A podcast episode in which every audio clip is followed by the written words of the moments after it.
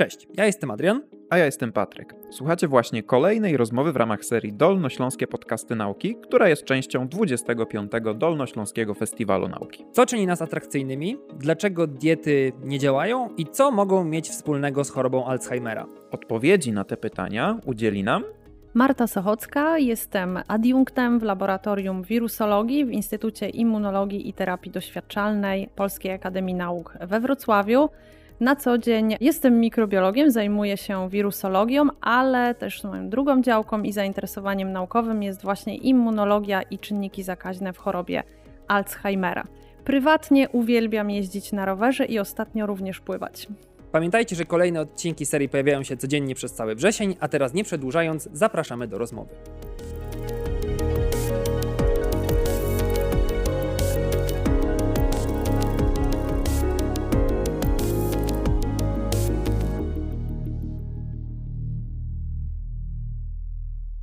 Z Instytutu Immunologii i Terapii Doświadczalnych też już mieliśmy gościa z rozmową. To była pani Aleksandra Bielawska-Pol. Jest pani dzisiaj drugą przedstawicielką tej instytucji. No i właśnie, i badawczo, jak można by tak w skrócie sklasyfikować? Też, Czy można panią nazwać mikrobiologiem na przykład? na przykład, o, czy można taki ogólny, czy, czy jednak nie, czy coś bardziej szczególnego? Można mnie nazwać mikrobiologiem, ponieważ ja pracuję w laboratorium wirusologii i ta działka wirusologiczna jest u mnie drugą działką, którą się zajmuję.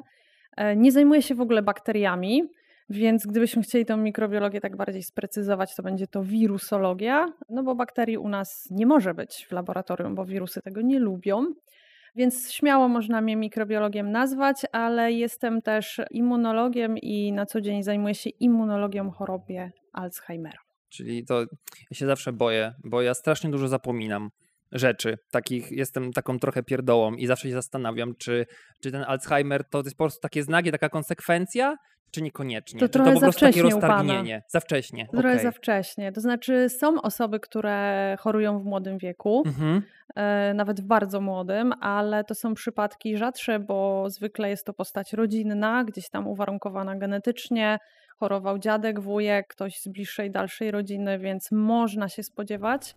E, Ale tak jak mówię, to jest rzadka postać e, rodzinna. Najczęściej to jest choroba dotykająca osób po 65 roku życia aczkolwiek pierwsze objawy mogą się pojawić już wcześniej. Więc zwykle jest tak, że diagnozowana jest gdzieś tam po 60, Mhm. ale pierwsze objawy mogą być wcześniej. I jeśli rodzina jest dość dobrze związana blisko z tą osobą, to ona zauważy, Zauważy. Okej. że jednak to nie jest takie zwykłe zapominanie, odkładanie przedmiotów codziennego użytku w miejsca, które się ich nie odkładało wcześniej. To- nie jest takie klasyczne zapominanie.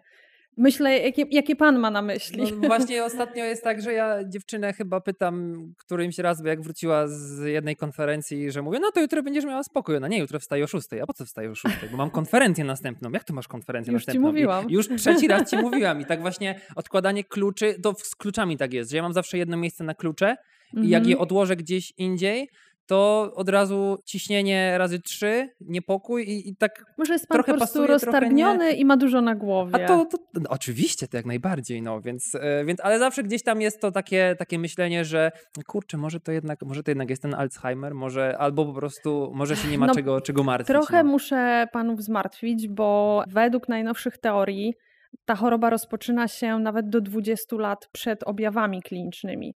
Więc świat nauki uważa, że to pierwsze coś, co inicjuje chorobę, to może być właśnie jeszcze 30-40-letni człowiek, czyli w pełni sił, młody, nieświadomy. Natomiast objawy kliniczne, które wyjdą, są po prostu konsekwencją tego, że już tak zaszły poważne zmiany na terenie mózgu, że już to widać. A możemy to w takim razie właśnie jakoś genetycznie sprawdzić? Czyli badam się przy okazji jakiegoś badania? Można, tak, ale tak jak mówię, ta postać genetyczna Też to, jeszcze nie to tak- nie nie tak jest taka wcześnie. czę- Nie, nie, po prostu ona nie występuje aż tak bardzo często w stosunku do tak zwanej sporadycznej, czyli tej, która Okej. się po prostu pojawia. No tej przyczyny nie znamy.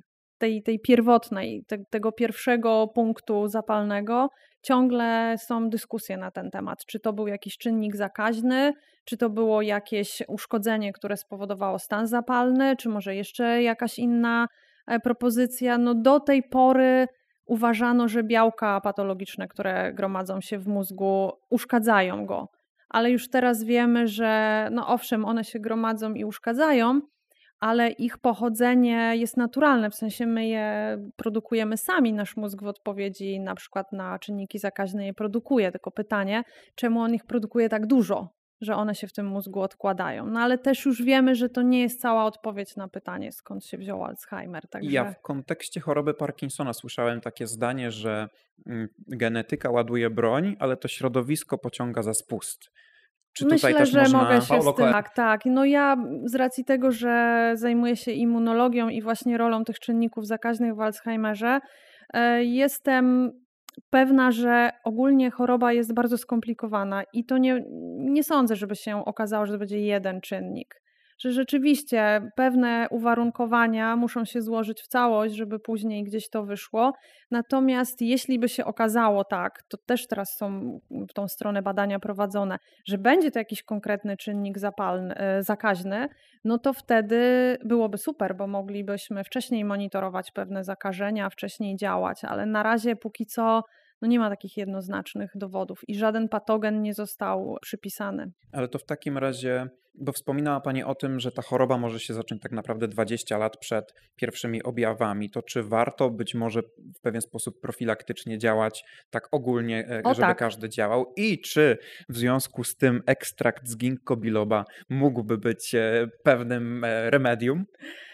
Możemy działać wcześniej, ponieważ płeć, wiek i czynniki genetyczne są czynnikami niemodyfikowalnymi. Na to nie mamy wpływu e, i nic z tym nie zrobimy. Natomiast jest cała grupa czynników modyfikowalnych, takich jak na przykład nasz styl życia, to jak się odżywiamy.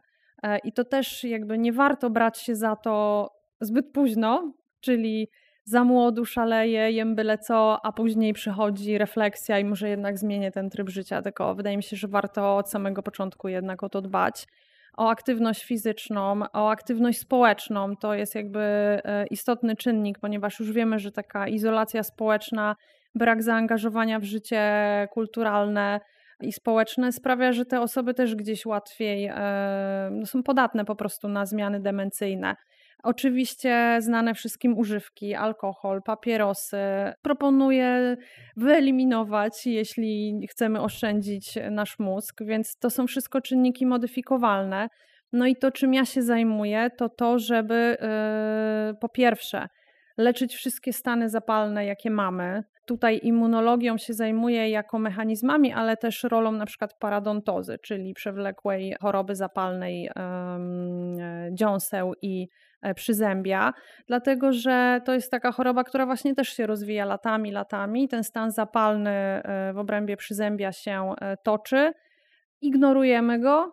I potem, kiedy on już jest na tyle rozwinięty, że chorobę widać, bo wypadają zęby, no to jedni podejmują walkę, a jedni nie. No i teraz z jednej strony właśnie leczenie wszystkich przewlekłych infekcji, które mamy, niechodzenie z chorobami typu kaszle, coś mnie boli, ale idę dalej, samo przejdzie. Rozbiegam, ja zawsze Rac rozbieguję. Raczej, raczej proponuję wyleczyć porządnie, a już takie rzeczy jak zęby, no to możemy na bieżąco monitorować. No i ten, ten drugi aspekt, o którym Pan wspomniał, czyli odporność. E, no tak, tak, powinniśmy ją wzmacniać, e, powinniśmy dać jej szansę działać.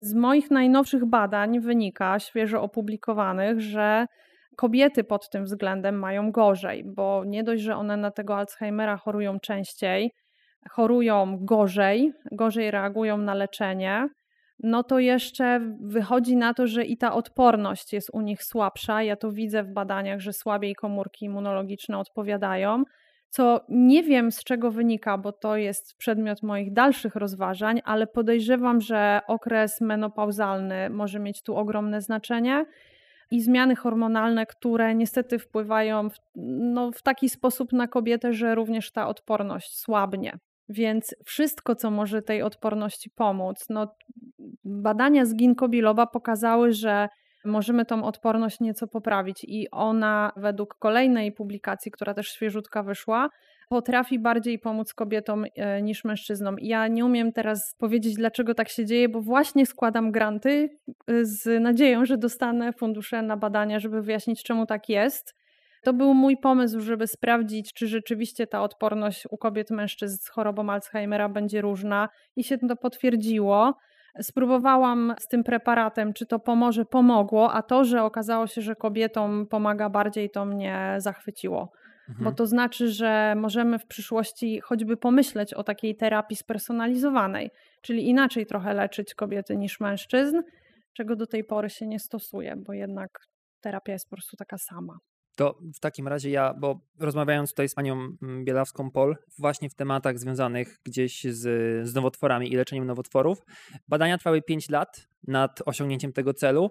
Ja tutaj tak trochę y, chciałem zapytać, czy właśnie są jakieś teorie, które po prostu nie są jeszcze potwierdzone i gdzieś tutaj z perspektywy eksperta w temacie jesteśmy na jakiejś drodze, tylko po prostu kwestia tego, że o tym się nie mówi, bo trzeba jeszcze coś, coś zrobić, trochę więcej badań, potrzeba tych tam dwóch, trzech lat, czy na razie raczej ta kwestia tej odporności, gdzieś tam przyczyny wywoływania i leczenia jest jeszcze, jest jeszcze wielką niewiadomą i, i raczej jeszcze jesteśmy na tej wielkiej wodzie, aniżeli, aniżeli gdzieś pływamy. Zbliżamy się do jakiegoś portu, widzimy ląd w no tej właśnie to jest trochę, wydaje mi się przykre, bo już ponad 100 lat temu choroba została opisana a ciągle tego leku nie ma. Znaczy, jest dużo e, leków podawanych pacjentom, ale to nie jest przyczynowe, tylko po prostu objawowe. Nawet te, które zostały wprowadzone niedawno, świeżutki lek chyba z 2019, to też nie jest rozwiązanie tej sytuacji, więc ciągle nie celujemy w źródło, bo go nie znamy.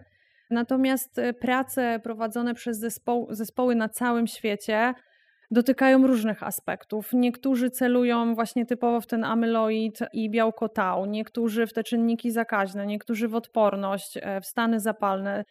Ja myślę, że to jest taki trochę wyścig zbrojeń. Kto pierwszy powie, że to chyba jednak to i skupmy się na tym, no to będzie wygrany. Chociaż jeżeli się okaże, że choroba ma etiologię złożoną, to może się okazać korzystne działanie na różnych płaszczyznach, czyli najpierw wzmacniamy to, tu również leczymy coś innego, eliminujemy jeszcze coś innego i w efekcie ta choroba się na przykład nie rozwinie. Może też tak być. Ja mam takie pytanie z y, kwestii takich technicznych trochę, takiej pracy laboratoryjnej, bo właśnie wspominała Pani o tym, że jeśli Wirusy ja nie lubią się z bakteriami? Yy, nawet nie. Chodzi mi bardziej o ten jeszcze taki bardziej aspekt pracy, w sensie umieszcza Pani wirusy Chodzi mi o ten taki właśnie typowo, typowo pracę. Czy to jest niebezpieczna praca z punktu widzenia pani jako pracownika? Zakładam, że są odpowiednie procedury bezpieczeństwa. Laboratorium też musi mieć odpowiedni mhm. stopień bezpieczeństwa. Ja wiem, że to się chyba różni w zależności od tego, z czym mamy do czynienia. I czy tak. pani, czy taki naukowiec ma jest taka szansa, że na przykład naukowiec, jeśli jest nieostrożny, zakładam, że nie jest w stanie sam się czymś takim zarazić, czy sobie zaszkodzić w tym przypadku. Tak z perspektywy właśnie, bo często ludzie się zastanawiają, jak wygląda taka praca, praca naukowca, jak to, jak to tutaj wygląda. Czy musi pani tak bardzo, bardzo ściśle przestrzegać bezpieczeństwa? E, kiedy pierwszy raz przyszłam do Instytutu Immunologii z prośbą o przyjęcie na pracę magisterską, to pierwsze pytanie, jakie usłyszałam, czy się pani nie boi wirusów przypadkiem? Bo jeśli się pani boi, to nie mamy o czym rozmawiać. Okej. Okay. I teraz, kiedy ja przyjmuję magistrantów do siebie, to też zadaję to pytanie, i ono nie jest do końca bezzasadne, ponieważ e, jest co innego myśleć, że pójdę sobie tam do laboratorium, bo tam jest fajnie, wirusy, już jakieś takie skojarzenia, że to jest niesamowita praca, a co innego, kiedy e, zasiada się w tym boksie, dostaje się tego wirusa do ręki, no i trzeba przestrzegać bardzo wielu zasad pracy. Natomiast one wszystkie są zakaźne, więc to nie jest tak, że się nimi nie zakazimy. Mamy wirusy ludzkie, mamy zwierzęce. Przy nieostrożnej pracy do zakażenia może dojść i do takiego zakażenia dochodziło w laboratorium. Także to pytanie, mówię, ono nie jest bezzasadne, bo rzeczywiście trzeba być świadomym tego, że pracuje się z materiałem biologicznym, i obowiązują w związku z tym jakieś reguły gry. Po pierwsze, że musimy zachować ogromną czystość. To, co powiedziałam na początku, że się nie lubią, to nie chodzi o to, że one gdzieś tam razem bytują, tylko nie możemy dopuścić do sytuacji, kiedy hodowle komórek, których będziemy chcieli namnażać wirusy, zakażą nam się bakteriami, bo wtedy bakterie się mnożą bardzo szybko, przerosną, zjedzą nam, tak mówiąc kolokwialnie, wszystko i wirus nie będzie się miał gdzie namnożyć, więc praca musi być ekstremalnie czysta, nie możemy mieć żadnych zakażeń. Wirus, który ja stosuję w badaniach, jest wirusem zwierzęcym. On nie zakaża naturalnie ludzi, ale może dojść do takich zakażeń i wtedy najczęściej dochodzi do zapalenia spojówek, więc ostrożnym trzeba być. Natomiast w laboratorium mamy dużo ciekawych wirusów ludzkich, z którymi już trzeba dużo ostrożniej pracować. Mamy grypę ludzką, mamy teraz koronawirusa z tej samej grupy co SARS-CoV-2, e, mamy też herpesy opryszczkowe, także no trochę mamy tego materiału, z którym trzeba uważać. E, są oczywiście boksy tak skonstruowane, żeby to było bezpieczne, ale z doświadczenia wiem, że niektórzy chcą pracować na skróty i to czasami nie zdaje egzaminu. Poza tym mamy też dużo różnego rodzaju krwi, a na pewno sobie zdajecie sprawę z tego, że krew ogólnie jest materiałem potencjalnie zakaźnym, więc trzeba ją traktować jako źródło wszelkiego zła. E, mieliśmy krew pacjentów e, HIV pozytywnych, HCV pozytywnych, e, także no, tym bardziej to, to bezpieczeństwo trzeba. A w przypadku badań mikrobiologicznych już czuje się takie szczepy mm, niezjadliwe, to się chyba nazywa w ten sposób. To w przypadku wirusów nie ma takiej możliwości. To znaczy one. Hmm, tak jak mówię, ta klasyfikacja laboratoriów sprawia, że pewne grupy wirusów można w nich e, trzymać i z nimi pracować, a pewnych nie. To znaczy, eboli u nas nie ma. Ona jest zbyt groźnym patogenem. E, my nie, nie, mamy warunków, e, żeby go trzymać. Aczkolwiek będzie prawdopodobnie budowane laboratorium klasy BSL-3, więc część patogenów groźniejszych będzie mogła być tam trzymana. Natomiast te, które my mamy, one są wszystkie zakaźne i one mogą spowodować e, zachorowanie, natomiast nie są to zachorowania, no powiedzmy, śmiertelne, tak? Mhm. o dużej śmiertelności. O, to są raczej wyleczalne e, choroby, chociaż no, ja bym nie chciała się tym zakazić. To ja mam takie pytanie, ono będzie zakrawało lekko o teorie spiskowe w pewnej części, ale pierwsze pytanie jest takie, bo to jest też aspekt, który mnie trochę interesuje i wydaje mi się, że przy okazji warto uświadomić, uświadomić społeczność. To znaczy, mówiła pani właśnie, że macie wirusy w laboratorium i gdzieś tam je mhm. trzymacie, mówiąc w cudzysłowie. I właśnie tak. wiadomo, wirusy to gdzieś tam takie cząsteczki, kulki. No ja sobie wyobrażam, jak pani mówi, że trzyma tego wirusa, to jak taki misiek po prostu taki duży. taki wirus to po prostu rozumiem płyn z takimi wirusami? Czy on jest w takiej tak. postaci? Tak, tak. Okay. To, to są takie malutkie ilości, zakładam, które są trzymane w jakimś specjalnym pojemniku, miejscu. Nie, dużo go mamy. Okej, okay, a dużo jest. Jak okay. sobie namnożymy, to butelka mamy... bardziej, czy? Nie, nie, no nie, nie trzymamy w takich pojemnościach, ale jeżeli brakuje nam wirusa do badań, chcemy go sobie namnożyć, to nastawiamy taką e, butelkę 20 ml i później sobie ją porcjujemy na e, na mniejsze, bo do badań nie używa się takich gigantycznych ilości wirusa bo jest to niepotrzebne. Gdybyśmy zbyt dużo wirusa podali na komórki, to zbyt szybko one by, go, by te komórki zniszczyły i nie byłoby efektu, więc mamy większe ilości, trzymamy to w zamrażarkach niskotemperaturowych, ale ogólnie to fiolka jest typu pół mililitra, jeden mililitr, o, okay. są tego typu objętości. I moje drugie pytanie właśnie, czy jest jakaś możliwość, żeby ten wirus sobie uciekł? To znaczy tutaj pytam bardziej pod kątem właśnie tych teorii spiskowych, czy można go gdzieś tam wypuścić, coś takiego, żeby to po prostu poszło w świat? Czy jest szansa właśnie wywołać epidemię? E, no my nie mamy chyba takich epidemicznych, e, ciężkich, ale a propos tego pytania przypomniały mi się dwie anegdoty, miałam sobie tutaj te anegdoty przypomnieć. E, z czasów jeszcze studium doktoranckiego Jedna to była anegdota e, związana z kolejką w sklepie. Ja wtedy byłam świeżą doktorantką, więc dla mnie to było wszystko nowe i jak się dowiadywałam, jakiego rodzaju mamy wirusy, no to lubiłam opowiadać o tym e, w rodzinie. A mamy to, a to, a pracowałam z takim wirusem. I kiedyś w kolejce stałam z chłopakiem, opowiadałam mu o tym, że właśnie wykorzystuję e, wirus zapalenia mięśnia sercowego do moich badań, e, już tam nie wnikając jakich, i opowiadam mu o tym wirusie. No, jakoś tak kolejka się szybko zwolniła. Nie, nie, właśnie wręcz przeciwnie, z tyłu, ale możecie mi nie wierzyć, ale to jest prawdziwa historia. Puknęła mnie w plecy pani i mówi: A przepraszam bardzo, bo ja mam taki problem z teściową. Może ma pani możliwość tak, tego wirusa przynieść? Naprawdę byłam w szoku, ale to jest prawdziwa historia. Ja nie wiem, czy ona żartowała, wow. ponieważ już była tam moja kolejka do kasy i e, tylko się uśmiechnęłam i odeszłam. Natomiast tak, tak, taka była historia, więc są osoby, które może chciałyby mieć dostęp do takiego źródła. Ja już jej nie tłumaczyłam, że jest to wirus myśli i pewnie nic by nie zrobił, bo ona tylko usłyszała o tym zapaleniu mięśnia sercowego, więc trochę mnie to wtedy przeraziło. E, I druga historia była e, związana właśnie z wirusami herpes, ponieważ mamy w swojej kolekcji dwa. Jeden to jest klasyczna opryszczka wargowa, którą pewnie wszyscy znają, Ale drugi to jest opryszczka genitalna. I to pewnie mniej osób zna, a nawet jeśli ktoś zna, to się nie przyznaje, że miał, e, bo jest to dolegliwość taka dość wstydliwa. No i też e, pojawiło się pytanie podczas e, no, takich niby luźnych spotkań konferencyjnych, a nie moglibyście na przykład przynieść i w jakiejś wodzie basenowej rozpuścić. W wakacje tak dużo osób korzysta, byłoby fajnie. Ja mówię, no wiesz, teoretycznie Mogłabym to wynieść i rozpuścić, ale nie chcę tego robić. Pan od wodociągów by się ucieszył, gdyby słyszał tak. z nami w naszej rozmowie. Bo to raczej jest przestępstwem i nie chciałabym tego przestępstwa popełniać. A to w takim razie ja mam pytanie troszeczkę nawiązujące do kolejek, czyli do tej pierwszej mhm. anegdoty.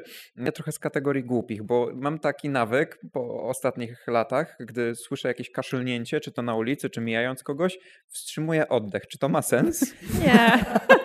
Nie ma to sensu? Nie, nie ma to Kurde. sensu. Nie, bo jak ma nakaszleć ta osoba na pana i gdzieś te cząsteczki aerozolu mają się dostać, to one się dostaną przez śluzówkę oka, E, Musisz zamykać oczy teraz nosa. przy okazji. A jak tak zrobię? Musiałby pan nie widzą, po ale... prostu, e, no tak, jakby pan zasunął całą maskę na twarz i to okay. by wsiąkło w tą maskę, no to nie dostałoby się na błony okay. śluzowe. Czyli no widzisz, dobry trop, tylko musisz poprawić Ale to jest, metody. a tak, ale to jest dobry trop, bo trzeba się, ja zawsze powtarzałam, że jak ktoś jest chory, już nieważne na co, i kaszle, i smarka, to powinniśmy się od niego izolować, a nie przytulać, współczuć. Znaczy możemy współczuć, ale na odległość. Na odległość. Powinien no, być biedny, w oddzielnym biedny. pokoju, wietrzonym, wentylowanym, tak? Przynieść tam coś do jedzenia i żadnego przesiadywania, żeby sobie wyzdrowiał spokojnie, e, no bo wtedy nie jest osobą zakaźną. No najgorzej jak taka osoba chodzi, właśnie kaszle, smarka, później dotyka poręczy, dotyka jakichś uchwytów w tramwaju, e, pan podchodzi, dotyka, podrapie się po nosie i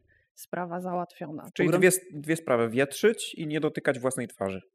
No tak, tak, to są takie podstawowe zasady higieny. Zresztą teraz w pandemii one były podnoszone, czyli myj ręce, zachowuj dystans, czyli od tej osoby kaszlącej, chorej.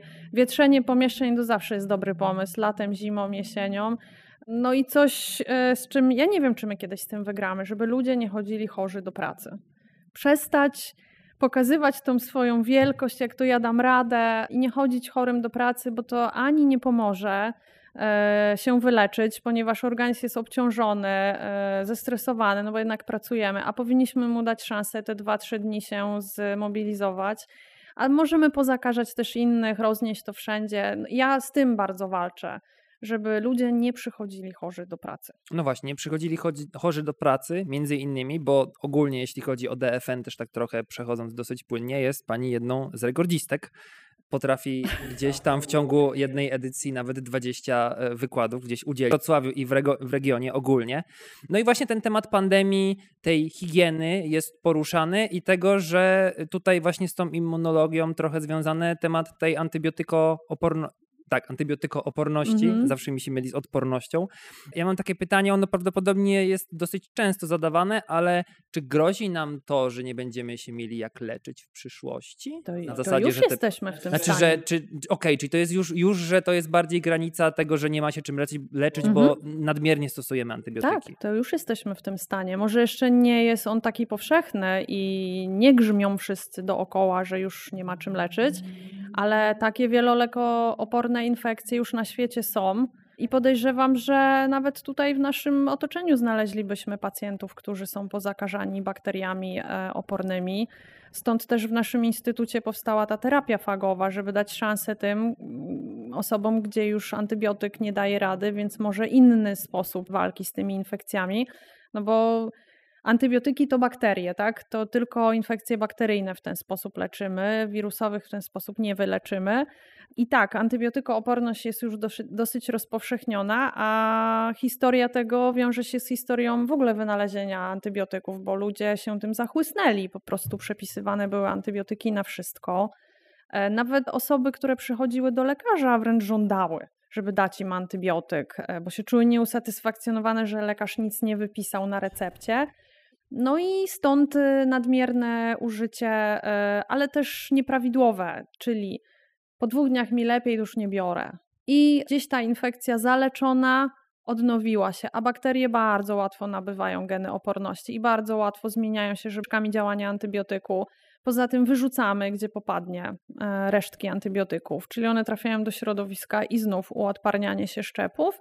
A potem e, mało kto wie, że bakterie między sobą chętnie wymieniają taką informację i wcale nie muszą tego robić na drodze klasycznego podziału, tylko wymieniają się taką inną cząstką e, materiału genetycznego, która niesie te geny oporności.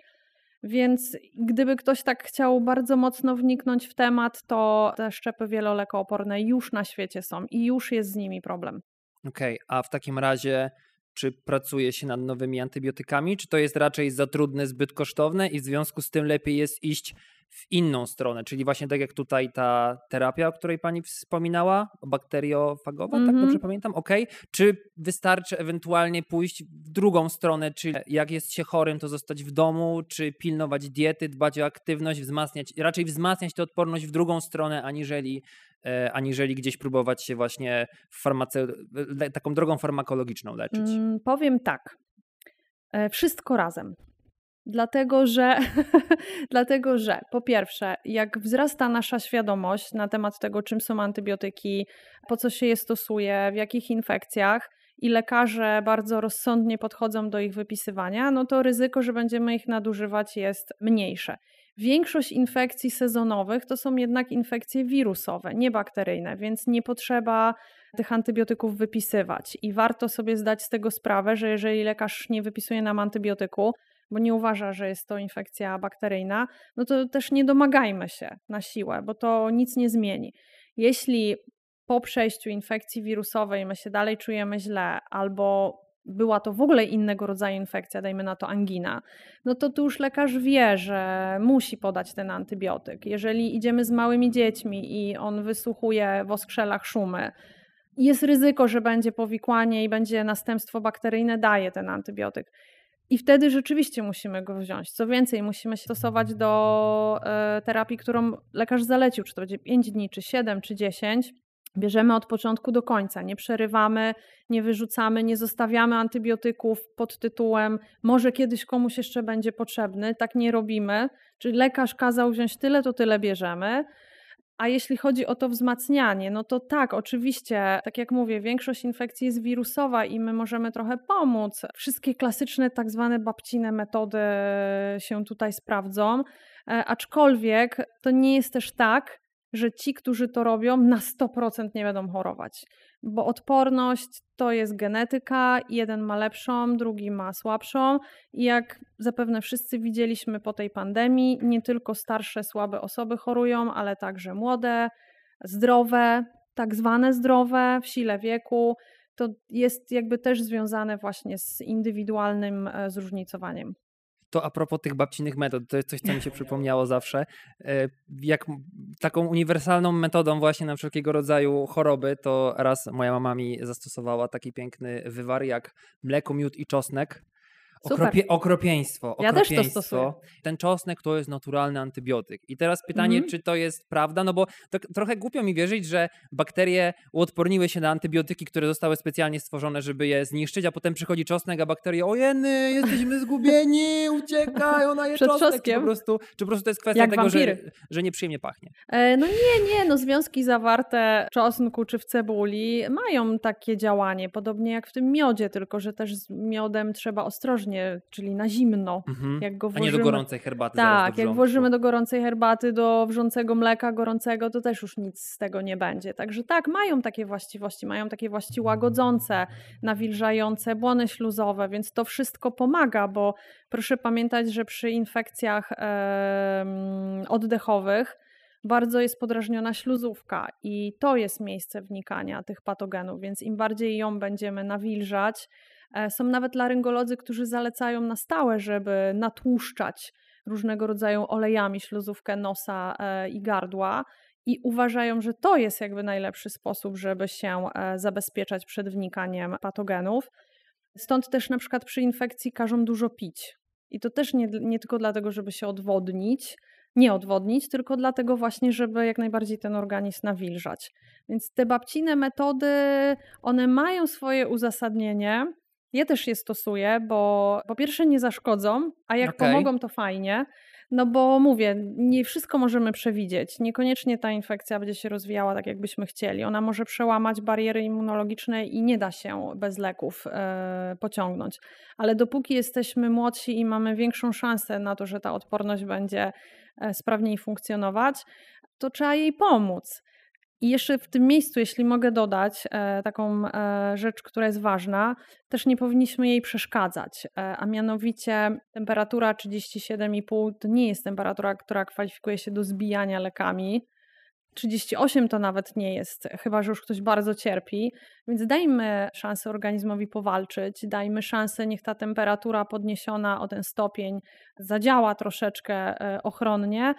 Dopiero kiedy rzeczywiście ona zaczyna się podnosić do większych wartości, no to no już jakby cierpienia nie popieramy, ale myślę, że te stany podgorączkowe moglibyśmy dać szansę, a wiem, że to tak jest, że wszyscy zaraz by chcieli już Już obniżać, już na się dobrze dzień. czuć, tak, a to musimy też jakby pozwolić organizmowi powalczyć. No właśnie, bo to jest coś takiego, bardziej chyba taki chwyt marketingowy, preparaty zawierające mm, czy paracetamol, czy, y, czy ibuprofen.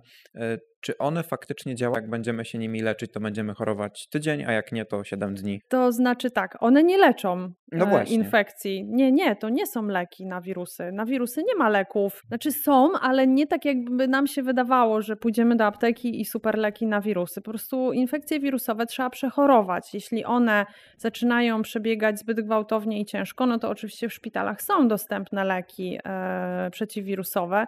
Natomiast przy tych klasycznych przeziębieniowych kwestiach zalecany jest właśnie wypoczynek.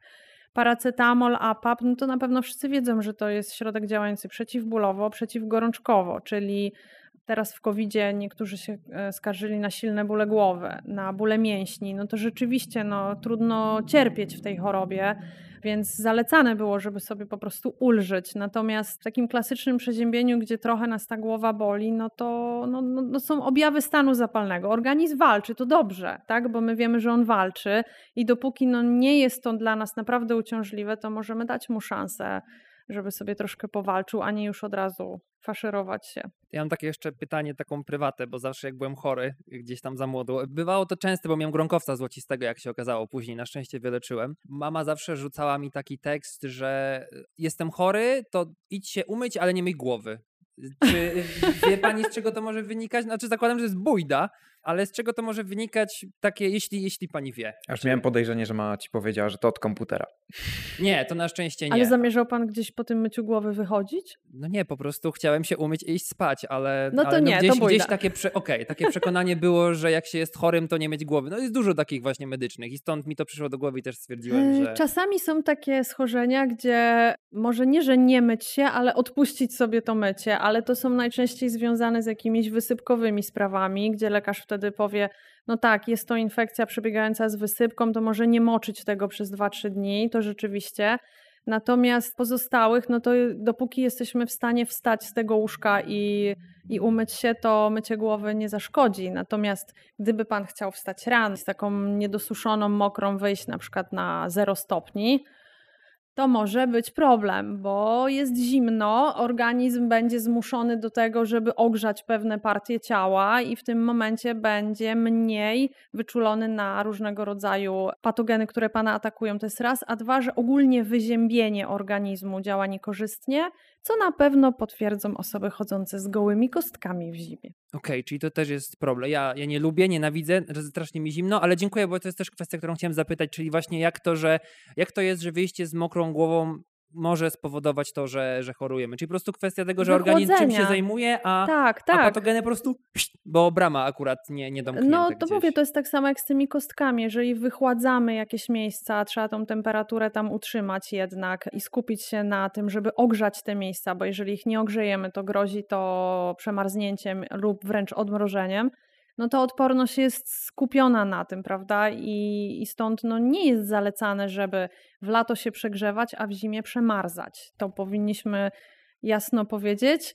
I może to trafi do tych osób z gołymi kostkami, że to jest y, na przyszłość kiepski pomysł. Choroby reumatyczne, e, odmrożenia tych fragmentów ciała, plus właśnie osłabianie regularne swojej odporności, wyziębianiem tych części ciała. To już jakiś czas temu klasyk śpiewał Załóż czapkę, skinie. Tak, taka była piosenka. A tak, tak, było. Słuszne, słuszne. To w takim razie ja trochę już odchodzę do tego tematu, a wracając do tego, co było w międzyczasie e, omawiane, bo było mowa o tym, że odpowiednia dieta może wpłynąć korzystnie na naszą odporność, na nasz układ e, odpornościowy, a ja chciałbym zapytać o trochę inne oblicze diety, to znaczy właśnie wszechobecną modę na dietę, mm. na mhm. to zjawisko. Pewnie każdy na jakimś zjeździe rodzinnym ma taką ciotkę, która za każdym razem co roku jest na diecie, efektów nie widać i nie wiem, tak prawdopodobnie... Tak dieta cud. Prawdopodobnie jest na dwóch dietach, bo na jednej się nie może najeść, albo coś takiego. Czy to ma sens, albo czy faktycznie istnieje takie zapotrzebowanie? Czy to jest sztucznie wygenerowane? Tak. Eee, hmm. No trochę tak wybiegliście w przyszłość, bo ja w tym roku mam wykład pod tytułem Rozsądni ludzie nie stosują diet. I to jest nowy wykład, mhm. e, więc e, mówiąc teraz coś, to już trochę zdradzę. To, to może pani tak spróbować zachęcić. Tak, trailer zrobić. O, trailer, tak. Ja już wykłady o dietach mam chyba od samego początku i mnóstwo różnych oblicz tych diet prezentowałam. Ten wykład, który będzie teraz o tym, że rozsądni ludzie nie stosują diet, to mam nadzieję będzie zwieńczenie tego tematu, ponieważ e, co się kryje w tym temacie? Po pierwsze, że słowo dieta ogólnie jest nam znane od dawien dawna i ono wcale nie oznacza jakiegoś katowania się, niejedzenia czy jedzenia czegoś konkretnego, tylko po prostu oznacza pewien sposób odżywiania się, tak zwany zdrowy, zbilansowany. Więc to, że ktoś jest na diecie, nie powinno nam się kojarzyć z tym, że o, czyli nie je albo je jeden posiłek dziennie, tylko po prostu, że zaczęła się wreszcie ta osoba odżywiać prawidłowo, bo na przykład do tej pory tak nie było. I w sposób świadomy. Tak, i w sposób świadomy lub na przykład pod kontrolą lekarską, jeśli jest to uwarunkowane jakimiś schorzeniami dodatkowo. Natomiast e, jakbyśmy wpisali do Google słowo dieta, Kiedyś to sprawdzałam, to rzeczywiście chyba 50 tysięcy stron e, wyskakuje i tam będą diety faz księżyca, mm, grupy krwi, rasy, e, czyli koloru skóry, kapuściana, ziemniaczana, no, no multum, multum różnych pomysłów, gdzie to wszystko jest tak naprawdę, można do kubła wrzucić, bo tam nie ma żadnych zdrowych zaleceń i jakiegoś takiego świadomego podejścia do odżywiania, tylko po prostu takie dosyć idiotyczne przepisy typu jedz cały dzień kapustę. Ale super. Ja akurat pochodzę z regionu, w których kapusta jest bardzo popularna, więc by się spodobało. To ja nie będę tutaj ciągnął za język i zdradzał więcej. W takim razie zapraszamy na Dolnośląski Festiwal Zapraszam, Nauki. tak. E, I ja teraz zadam pytanie o inny wykład z Dolnośląskiego Festiwalu Nauki. Mam nadzieję, że też nie będzie jakaś reaktywacja w tym roku i też jakieś zwieńczenie. To jest coś, co, co chciałem zapytać od samego początku, a mianowicie, co tak naprawdę y, sprawia, że my jesteśmy piękni dla nas, ale od biologicznego punktu widzenia, bo to jest, to jest dla mnie takie pytanie właśnie, co sprawia, że jesteśmy piękni? Ale tak narcystycznie zapytałeś. Ja myślałem, że co sprawia, że ktoś mi się podoba. Ojej, no dobra, no złapałeś mnie teraz. To, to właśnie tak, co sprawia, co sprawia że... że Adrian jest taki piękny? Nie, no bez przesady. No. Nie, pan Adrian jest bardzo przystojny. Dziękuję. Więc właśnie... E, pan również. Dziękuję. E, szanowni dziękuję, słuchacze, dziękuję. prowadzący są bardzo przystojni. Mają radiową urodę. Tak, I mają właśnie, radiową, radiową urodę. urodę. Właśnie, więc kwestia tego, co sprawia, że człowiek jest piękny biologicznie gdzieś, bo ja mam na to taką teorię, że to trochę jak u zwierząt, czyli gdzieś tam to są takie cechy związane, sprawiają, że partner jest uważany za kogoś wartego rozrodu i przedłużenia gatunku. I moje drugie pytanie to będzie na przykład, czy wynikają z tego też jakieś preferencje ludzkie? Bo no, każdy ma swoje preferencje typu, no ja wolę niższe kobiety, ktoś woli wyższe kobiety, ja wolę brunetki, blondynki. Czy na to, na to pytanie też ma biologia swoją odpowiedź? Ależ oczywiście biologia ma na wszystko swoją odpowiedź w tej chwili. Ale tak myślałam, że zapyta Pan o ten wykład, bo to jest wykład troszkę kontrowersyjny, ale wszyscy wszędzie chcieli go słuchać. I ja go przygotowałam właśnie z tego powodu, ponieważ są to tematy poruszane na studiach biologicznych na piątym roku, więc bardzo późno. Wykłady te na moim uniwersytecie, na, na, moim roku prowadził pan profesor Pawłowski, który jest bardzo znany, e, jeśli chodzi o tę dziedzinę, e, o seksualność człowieka i te, te aspekty. Ja po prostu byłam zachwycona tymi wykładami i żałowałam, że nie miałam okazji posłuchać tego wcześniej, jako młoda osoba w liceum na przykład bo to nie są żadne zdrożne rzeczy, wręcz przeciwnie, one są bardzo ciekawe. byłam tymi wykładami na tyle zachwycona, że postanowiłam na podstawie jego książki przygotować taki wykład i pokazać wszystkim te zagadnienia. I co roku, kiedy go przedstawiam, to mam bardzo duże zainteresowanie tym wykładem. Co więcej, okazuje się, że jak przyjdzie ktoś z zewnątrz, taki jak ja, i powie młodym ludziom o tego typu sprawach, to oni nie mają problemu, żeby nawiązać jakąś dyskusję, żeby zadać pytania, nie wstydzą się tego słuchać. Więc wydaje mi się, że gdyby e, zajęcia z seksualności były prowadzone w szkole, to mógłby być problem i dla nauczyciela, i dla uczniów. A jak tak ktoś przyjdzie z zewnątrz i powie, to, to oni są bardzo zaciekawieni. A, a właśnie, a kogo wolą? Pierwszy raz, kiedy prowadziłam ten wykład, to specjalnie przygotowałam się i ubrałam tak, żeby nosić na sobie i w sobie pewne cechy, o których będę mówić, ale już teraz tego nie robię. już nie ten wiek. To było takie trochę zaczepne, ale rzeczywiście yy, zrobiło wrażenie. E, no bo tak, panie są zaciekawione tym, co się najbardziej panom podoba i odwrotnie. E, więc ja oczywiście pokazuję w tym wykładzie, że nie ma jakiejś uniwersalnej e, rady, ani przepisu, ani algorytmu, bo tak jak my jesteśmy różni, tak różne osoby nam się podobają.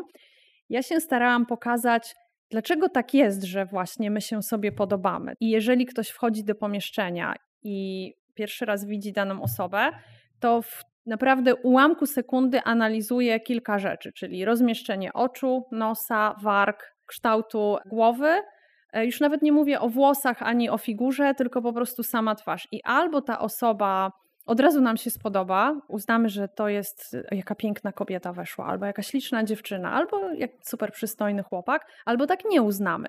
I może się okazać, że e, będzie w pomieszczeniu pięć osób, cztery uznają, że ona jest piękna, a jedna powie, no, Dwa na dziesięć. No ładnie, ładna, ładna, no ale na przykład nie w moim typie, tak? Mhm. Więc to jest ta pewna analiza parametrów twarzy, która robi pierwsze i największe wrażenie. Później oczywiście wchodzą kolejne rzeczy typu wzrost, typu kolor oczu, kolor włosów i tutaj są różnice, bo no mężczyźni 1,75 m plus są uprzywilejowani, a właściwie 1,80 m plus. Oni zawsze będą postrzegani jako bardziej atrakcyjni i to nie tylko przez kobiety, ale ogólnie przez społeczeństwo. Jest mnóstwo badań, które pokazują, że łatwiej pracę potrafią dostać, sukcesy odnoszą e, w życiu. To wszystko tak, jest związane ze wzrostem i z własnego doświadczenia życiowego muszę stwierdzić, że naprawdę tak jest. Nawet jeżeli bardzo chcemy nie oceniać pewnych aspektów fizyczności,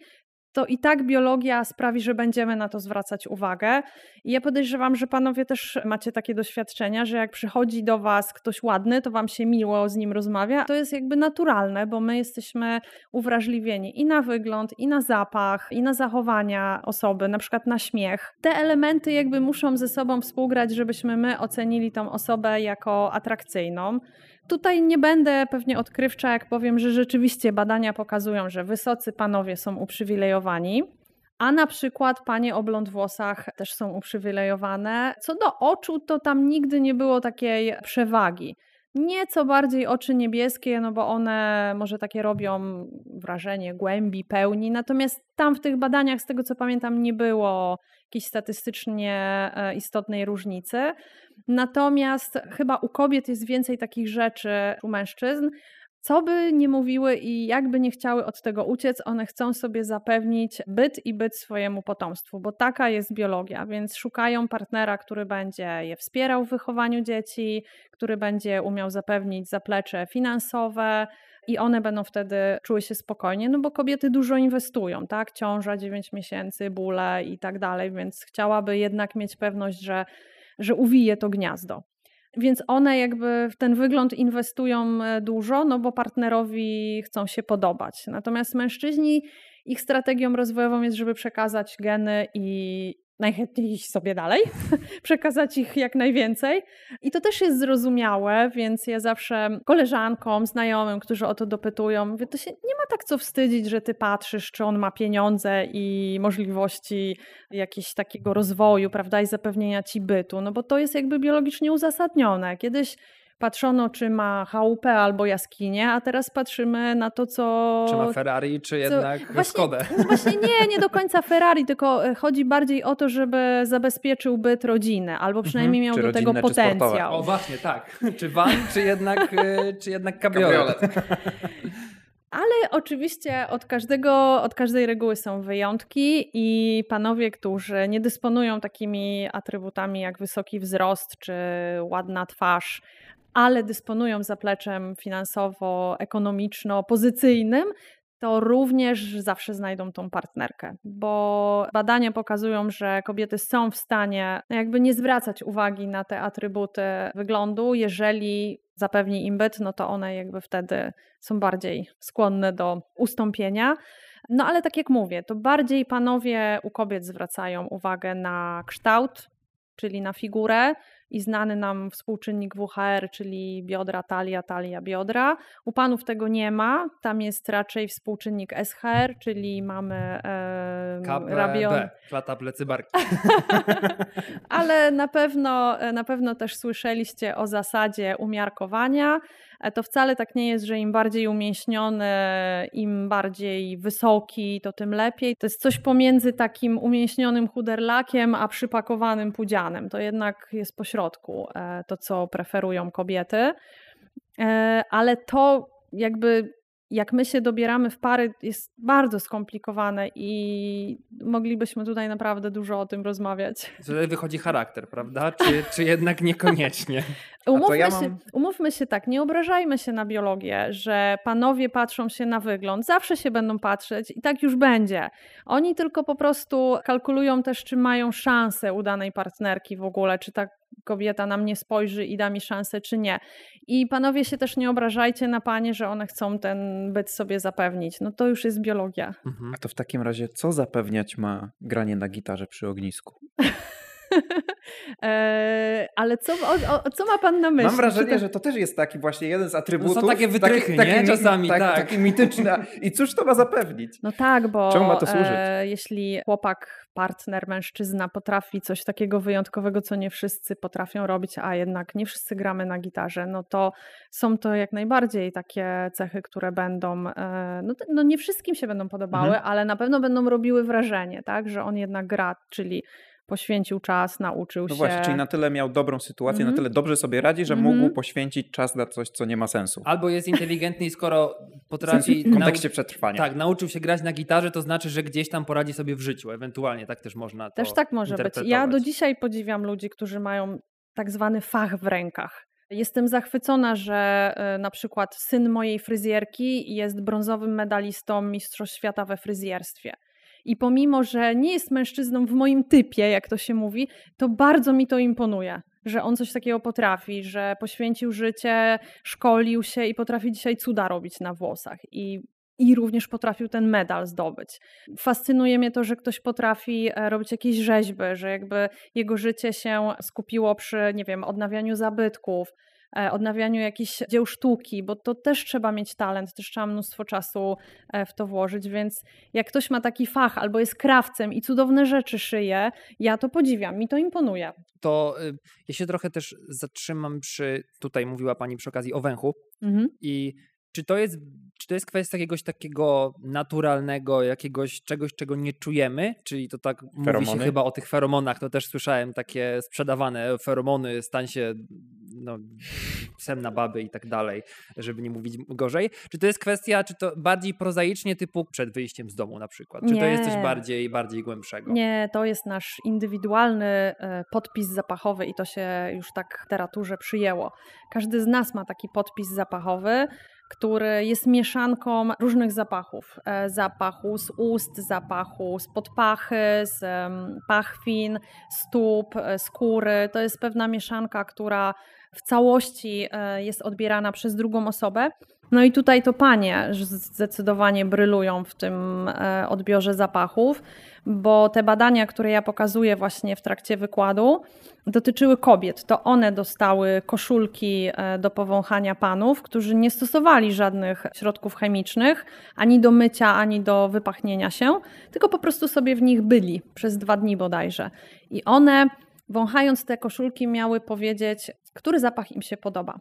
Okej. Po wybraniu danej koszulki dochodziło do sprawdzenia układu e, HLA, czyli genów odpowiedzialnych za odporność organizmu, i okazywało się, że panie potrafiły bardzo precyzyjnie wybierać koszulki panów, którzy byli w tak zwanej odpowiedniej różnorodności genetycznej do nich, czyli nie byli zbyt blisko spokrewnieni ani zbyt daleko, tylko właśnie na tyle, ile trzeba, żeby w razie wydania potomstwa na świat zachować tą różnorodność genetyczną, czyli jakby bardzo dobrze po zapachu potrafiły dobrać tego To partnera. też kojarzę chyba, że potem dochodziło też do konfrontacji i ten Mhm. wybór zapachowy był całkiem trafny.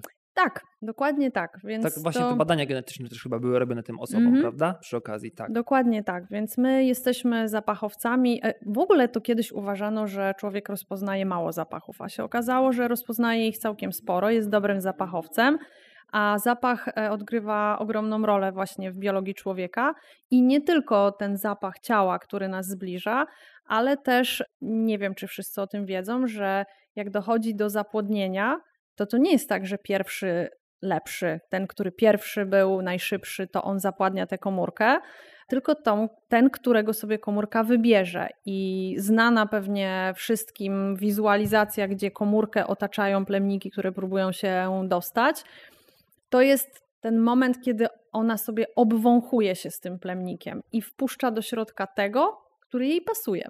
A nie ten, który tam przybył pierwszy, więc taki mniej mobilne mogą, mogą, mogą nieść lepszy bagaż genetyczny niż te pierwsze, bo to wcale nie jest tak, że ten najsilniejszy wydaje się najlepszy, tylko w biologii stosuje się pojęcie najlepiej dostosowane i może się okazać, że to nie ten pierwszy, drugi, trzeci, dziesiąty, tylko 259 będzie komórce pasował i ona go właśnie wpuszcza do środka. No to to jest imponujące. Tak, I to, to o też, tym nie I to wiedziałem. też jest na bazie substancji chemicznych. Zapominamy o tym trochę, jeśli poruszamy właśnie temat in vitro, gdzie e, do zapłodnienia dochodzi plemnikiem wybranym przez lekarza sztucznie.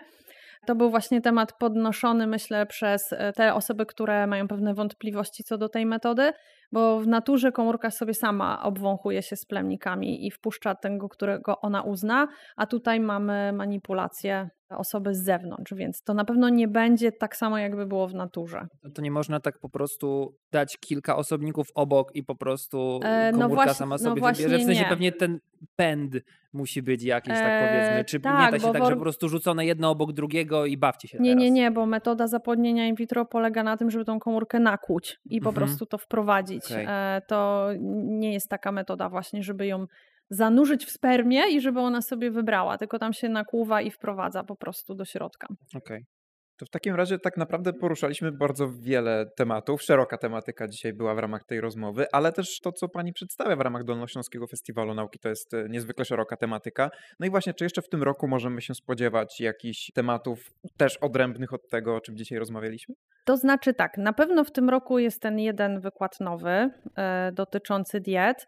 Natomiast e, pozostałe, które mam, to są starsze lub nowsze, ale zawsze wzbogacane o, o coś tam nowego, coś aktualnego. I myślę, że e, jeszcze wśród tej tematyki, takiej powiedzmy mocno odbiegającej od immunologii i diet, jest tematyka zakochanego mózgu chociażby, o którym też mm, już nie pamiętam, czy ja ten wykład zgłosiłam, ale on się też zawsze cieszył e, dużym zainteresowaniem, szczególnie właśnie wśród młodych e, osób, e, które zawsze się chciały dowiedzieć, jak to jest z tym zakochaniem, czy to jest chemia, czy to jednak jest jakaś siła wyższa, o czym to pisali ci romantycy. Że pewnie jest to kwestia chemii, tak mówiąc krótko, żeby też nie znowu nie zdradzać zbyt dużo z No tego tak. wykładu. Oczywiście, tak myślałem. I na koniec, bo wątków zostało poruszonych długo i rozmowa też jest długa, bo ma pani wiele zainteresowań w sobie, widać to i jakbym mógł słuchać jeszcze więcej, tak naprawdę. To I- zapraszam na i- wykłady. Oczywiście, jak najbardziej. Natomiast właśnie czy w ciągu tego czasu, który zajmuje się Pani nauką i ją popularyzuje, było jakieś przełomowe wydarzenie, książka, cytat, cokolwiek, co stwierdziło, nakierowało Panią na to, co Pani robi, albo było jakąś odskocznią, coś tak na zasadzie takiego wspomnienia właśnie. Tak, wszystkie moje wykłady e, są inspirowane czymś, co się wydarzyło, więc Mhm. e, te wszystkie e, rzeczy, które dotyczą właśnie diet, wynikały z moich własnych doświadczeń, bardzo przykrych niestety, ponieważ wiele, wiele lat temu stosując nieumiejętnie zasady odżywiania i zmieniając słowo dieta właśnie w znaczenie niekorzystne.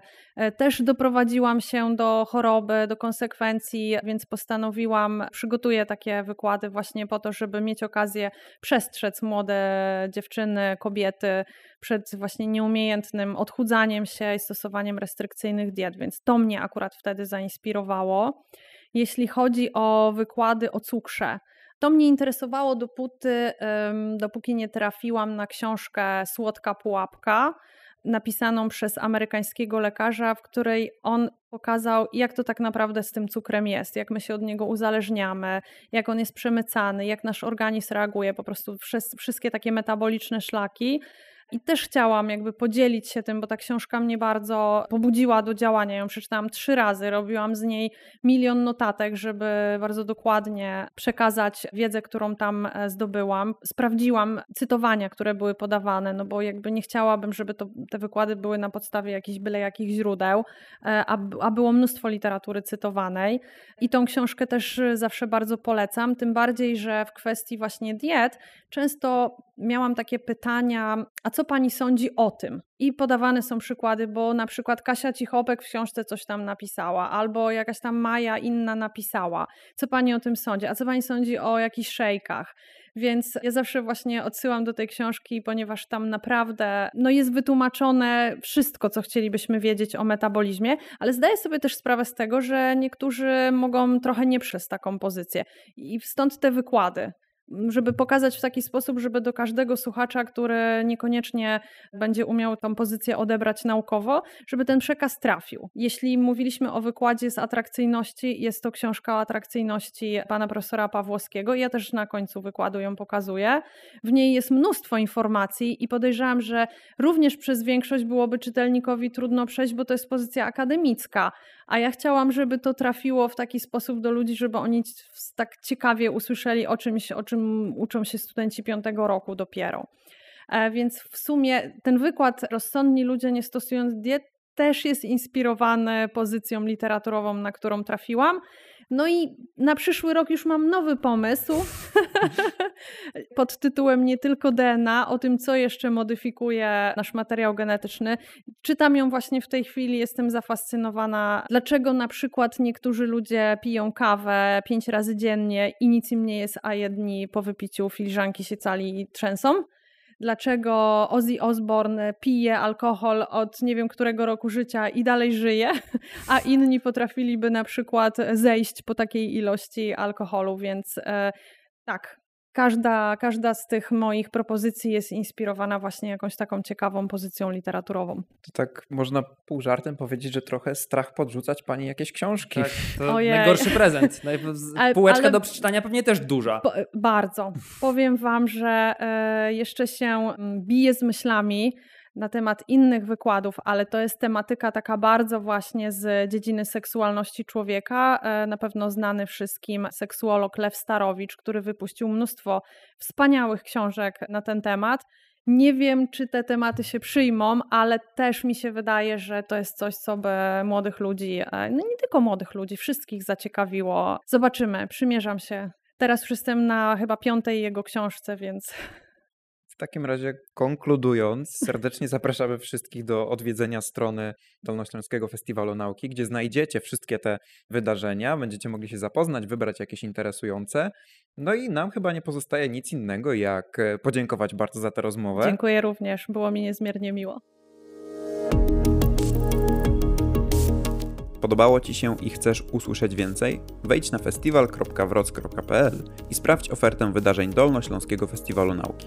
Linki do wydarzeń znajdziesz w opisach odcinków. Chcesz nam coś powiedzieć? Podzielić się swoją opinią? Napisz do nas na festiwalmałpa.uwredu.pl i daj nam znać, co myślisz.